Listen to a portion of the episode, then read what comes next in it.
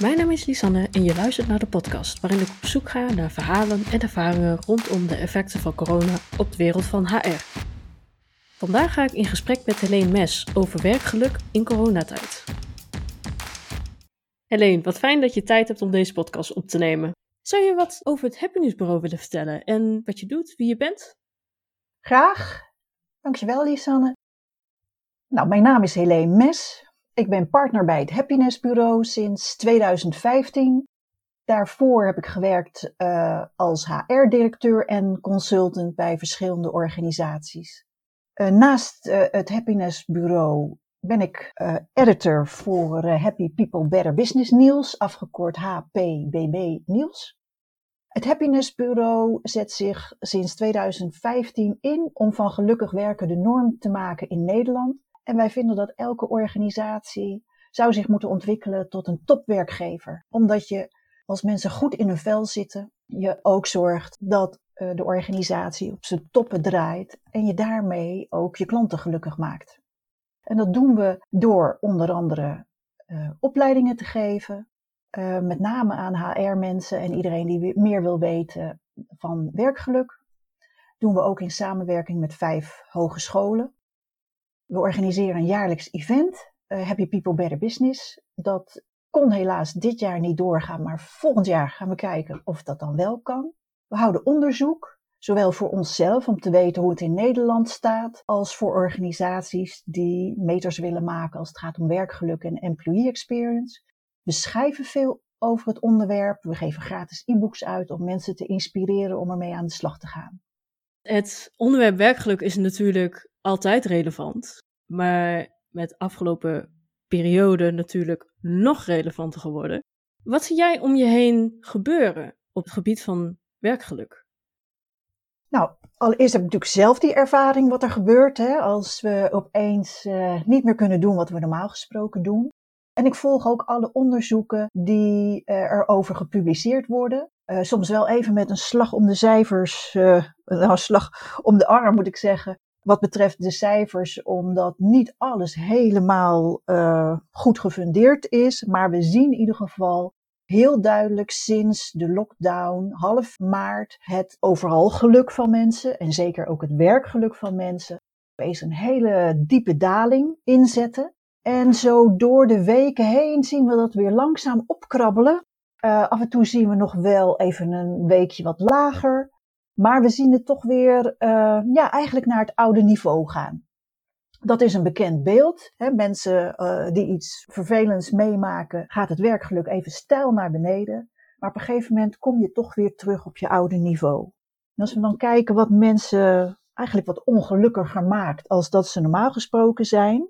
Zij ervaren onder andere natuurlijk ja, veel minder contact met de collega's. En mensen zijn sociale wezens.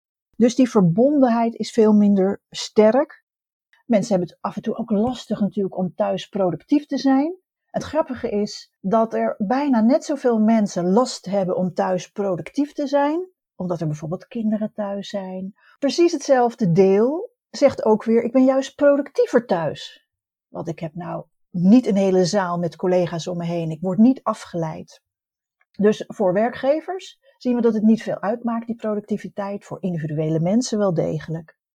En we zien dat mensen uh, soms ook aan het zoeken zijn naar uh, de vakinhoud. Vooral jongeren die nog niet zo lang werken, die missen iemand die even raad geeft en advies geeft. Veel mensen missen ook het idee van ik ben mezelf aan het ontwikkelen. Want ja, er is niemand aan wie je weer kan vragen. Dus je gaat maar een beetje op de oude voet verder. Dus het, de groei van mensen, hun eigen ontwikkeling, die ervaren mensen nu als lager. En veel mensen zeggen ook, ja, ik zit wel van alles dingen te doen. En vooral ja, een soort paniekdingen en crisisdingen. Echt, dat is niet echt wat, ik zou willen. Maar het is nu wel even nodig, maar het moet niet te lang duren. Dus dat is wat we overal zien. Als je aan mensen vraagt, wat vind je nu van je werkgever? Kijkt die naar je om? Zoekt hij wat meer contact met je? Dan zeggen veel mensen, ja, ik ben eigenlijk best wel blij met mijn werkgever. Zo'n uh, wereldwijd zo'n onderzoek en die zegt eigenlijk 90% van de werkgevers doet echt wel zijn best om uh, de medewerker nou, te faciliteren in het thuiswerken. Of nou ja, alle, met alle problemen daaromheen. Dus wat meer bellen en wat faciliteiten eh, organiseren en een leuke borrel digitaal. Ehm, dus dat is eigenlijk wel een heel positief gegeven. Als je kijkt naar het contact wat werkgevers hebben, een kwart van de mensen zegt, nou, mijn werkgever heeft wat meer contact digitaal met mij, die belt wel eens. Hetzelfde percentage zegt ook, nou, ik zie mijn werkgever nu veel minder. Mijn collega's en mijn leidinggevende. Dus overal zien we echt wel een daling, maar we zijn aan het opkrabbelen en dat zit hem in mensen om je heen en beter worden in je vak. Ja, ik hoor je met name ook veel zeggen over wat voor effect het voor de medewerkers uh, heeft. En hoe zit dat eigenlijk voor de werkgevers? Wat voor concrete vraagstukken en uitdagingen hebben zij? Nou, als we kijken naar überhaupt de economie, dan zegt 80% van alle branches zegt, ja, wij, wij gaan er verschrikkelijk op achteruit. 20% van de bedrijven die, die vaart hier wel bij, uh, maar 80% dat is natuurlijk een ontzettend groot aandeel. En daar maken werkgevers zich zorgen om, van hoe moet dat straks? En daar maken medewerkers zich natuurlijk ook heel veel zorgen om, van heb ik nog wel een baan? En als je het beredeneert vanuit het perspectief van ja, werkgeluk, wat voor uitdagingen ervaren ondernemers op dat gebied? Nou, overal zeg ik, werkgevers doen echt wel hun best om dat werkgeluk op een hoger pijl uh, te brengen. Er zijn natuurlijk verschillen tussen organisaties. Als je, uh, waar werkgevers nu mee zijn, bezig zijn, is van hoe communiceren we op een goede manier met elkaar? Hoe zorgen we voor verbinding? Gevoel dat je er nog bij hoort. En hoe gaan we om met, ja, toch, uh, heel, ja, dat de zaken slechter gaan? Wat communiceren we daarover? Wat betekent het voor jouw baan? Mensen willen natuurlijk ook weten, hoe sta ik ervoor? Heb ik straks nog uh, een baan? Dus die werkzekerheid dat contact, dat speelt wel degelijk een rol. Wat wel apart is om te zien, is dat je zou verwachten in dit soort tijden dat de psychologische problemen, de psychische problemen die mensen hebben, dat die misschien vergroot zouden kunnen worden. Nou, dat zien we eigenlijk niet gebeuren. Dat is eigenlijk wel het patroon wat we altijd zien als er zoiets ingrijpend gebeurt. Dan zit iedereen in de overlevingsstand. En op het moment dat je weer een beetje teruggaat naar normaal, dan komt er toch nog wel een hoop uit. Hè? Want mensen maken natuurlijk wel heel veel mee thuis. Soms uh, niet altijd leuk, uh, soms wel verschrikkelijk. Er is best wel stress, maar iedereen houdt nu nog even zijn adem in. Maar dat komt er een keer uit. Wat je nu verder ziet, is dat werkgevers heel hard bezig zijn om ervoor te zorgen dat als we weer een beetje naar kantoor kunnen of naar de werkplek, um, om dat op een veilige en gezonde manier te laten lopen. Dus er wordt heel veel geïnvesteerd in uh, aanpassingen, uh, visuele aanpassingen, waarschuwingen, uh, roosters, regelwerk. Dat is zeker nodig. Maar ik zeg er ook bij, zorg dat het ook nog wel enigszins de moeite waard blijft voor een medewerker om naar kantoor te komen. Want als ik nu in een gemiddelde winkel of de supermarkt rondloop, dan denk ik, ja, ik loop hier niet voor mijn plezier. De pijlen, het ontsmetten, de aanwijzingen, als dat is wat je steeds op het werk gaat meemaken, ja, dan, ik, ik zou zeggen, ik blijf nog een tijdje thuis. Dus mijn advies aan werkgevers is ook van probeer om al die maatregelen die je moet nemen wel op een medewerkersvriendelijke manier in te vullen.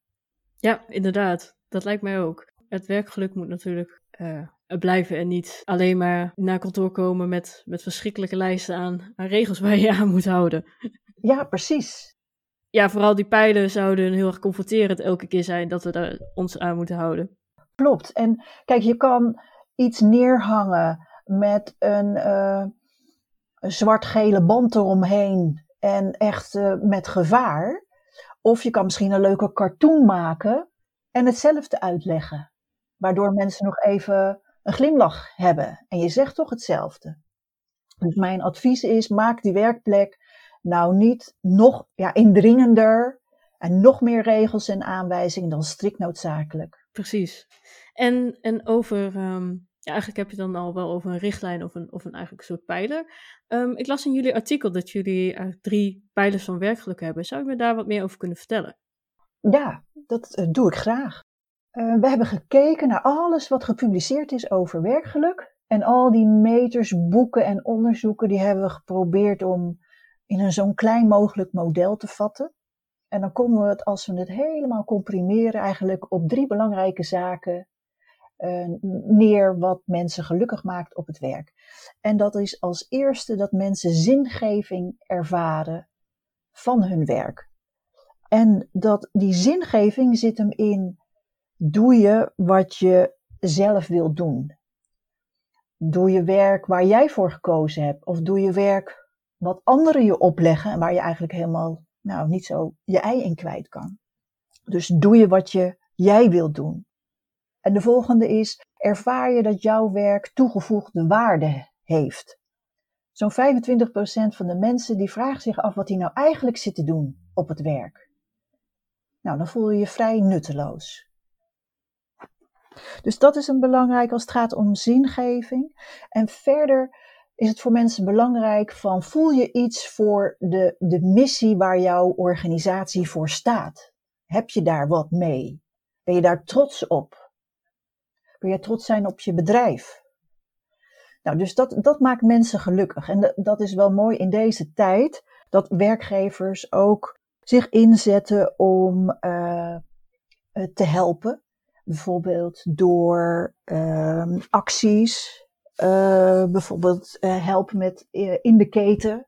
Hè, dat jouw leveranciers dat je daar afspraken mee maakt en jouw klanten, van als ze in betalingsproblemen komen, dat je hun helpt. Bijvoorbeeld de huurders en de horeca die elkaar helpen. Ja, daar word je als werknemer natuurlijk ook weer trots op.